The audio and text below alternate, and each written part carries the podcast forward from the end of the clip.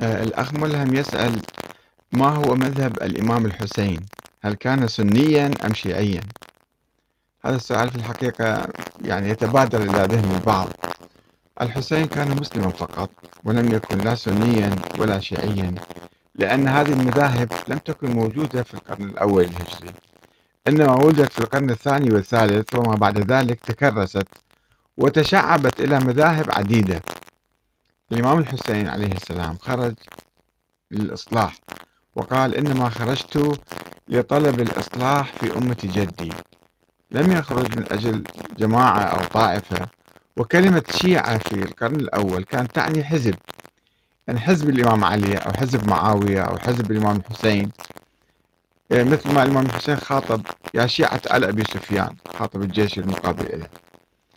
فكلمة شيعة هي كلمة كلمة عامة كانت بعد ما كانت صايرة آه، مذهب أو طائفة أو شيء من هالقبيل. والشيعة الحقيقيين اليوم في الحقيقة ليس الذين يعملون من أجل طائفتهم أو السنة مثلا من أجل طائفتهم إنما يجب أن نعمل من أجل الأمة الإسلامية كلها. ونشعر بهذا الشعور أن نحن أبناء هذه الأمة. وإذا أردنا أن نقوم بحركة إصلاحية فمن أجل مصلحة الأمة جميعا وليس من أجل مصلحة طائفة دون طائفة أو مذهب دون مذهب. إنما خرجت لطلب الإصلاح في أمة جدي. هكذا يجب أن نعمل.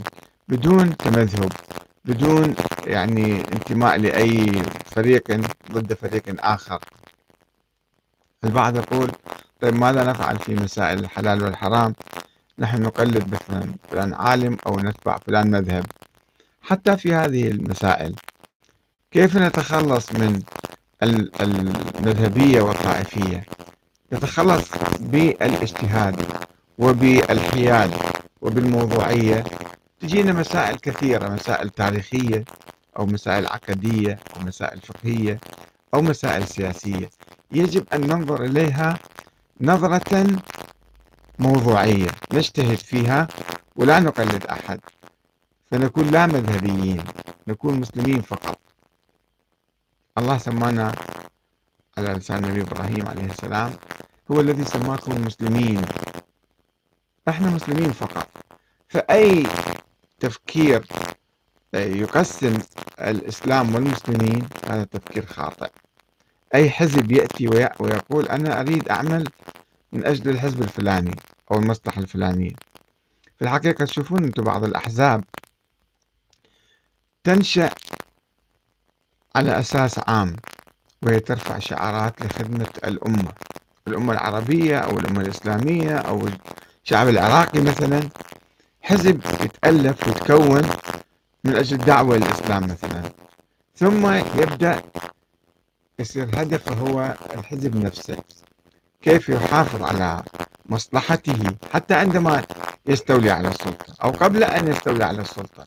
أنا رأيت بعض الناس قبل أن يستولوا على السلطة ويصبحوا حكاما كانوا يفكرون من أول يوم أن حزبنا هو المهم ويعادون الناس الأخوة الآخرين المؤمنين المسلمين اللي يعتقدون مثلهم مثلا اعتقاداتهم لكنهم كانوا متحزبين يعني يفكرون بصورة حزبية.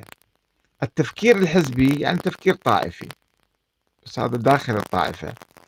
تفكير طائفي وبالتالي هو يتناقض مع الإسلام يتناقض مع العمل من أجل المصلحة العامة المصلحة الإسلامية. إنما المؤمنون أخوة يجب أن ننظر إلى كل الناس هم أخواننا. مو هذا من حزبنا نجيبه نحطه بالوظائف وبالمناصب وهذا مو من حزبنا نحطه على صفحة. حتى لو كان أفضل من عندنا وكان إنسان تقي ورع خبير عالم مثلا يفتهم. وكفوء ومن الجدير أن يحتل هذا المنصب. لا إحنا نخليه على صفحة ونجيب جماعتنا نحطهم في المناصب. حتى واحد يحك للثاني. حتى نتداول الثروة والسلطة فيما بيننا. ونتعصب. ويجي واحد طبعا في داخل الحزب تلاحظون أنتم الأحزاب المنحرفة عن الإسلام. أو التي تنحرف يعني. ممكن في البداية كانت رفع شعارات وطنية وإسلامية عامة و... ولكنها تنحرف عندما تبدأ آه، حتى في داخل الحزب تتكون مجموعات. شخص واحد يجي يسيطر على الحزب مثل الأحزاب التجارب الأحزاب الأخرى. صدام حسين اجى في حزب قومي عربي وحدة حرية اشتراكية. ولكنه بدأ يعمل من أجل الحزب وضرب كل الأحزاب الأخرى. ثم ضرب قادة الحزب وضرب يعني كل الأقطاب في الحزب سيطر عليهم واستقطبهم اللي يواليه يحطه في أي منصب واللي يعاديه أو ما يواليه أو يشك في ولائه رأسا يطيره نفس هذا المرض انتقل إلى بعض الأحزاب التي تدعي الإسلام الأحزاب الإسلامية. فأصبح وجود الحزب هو هدف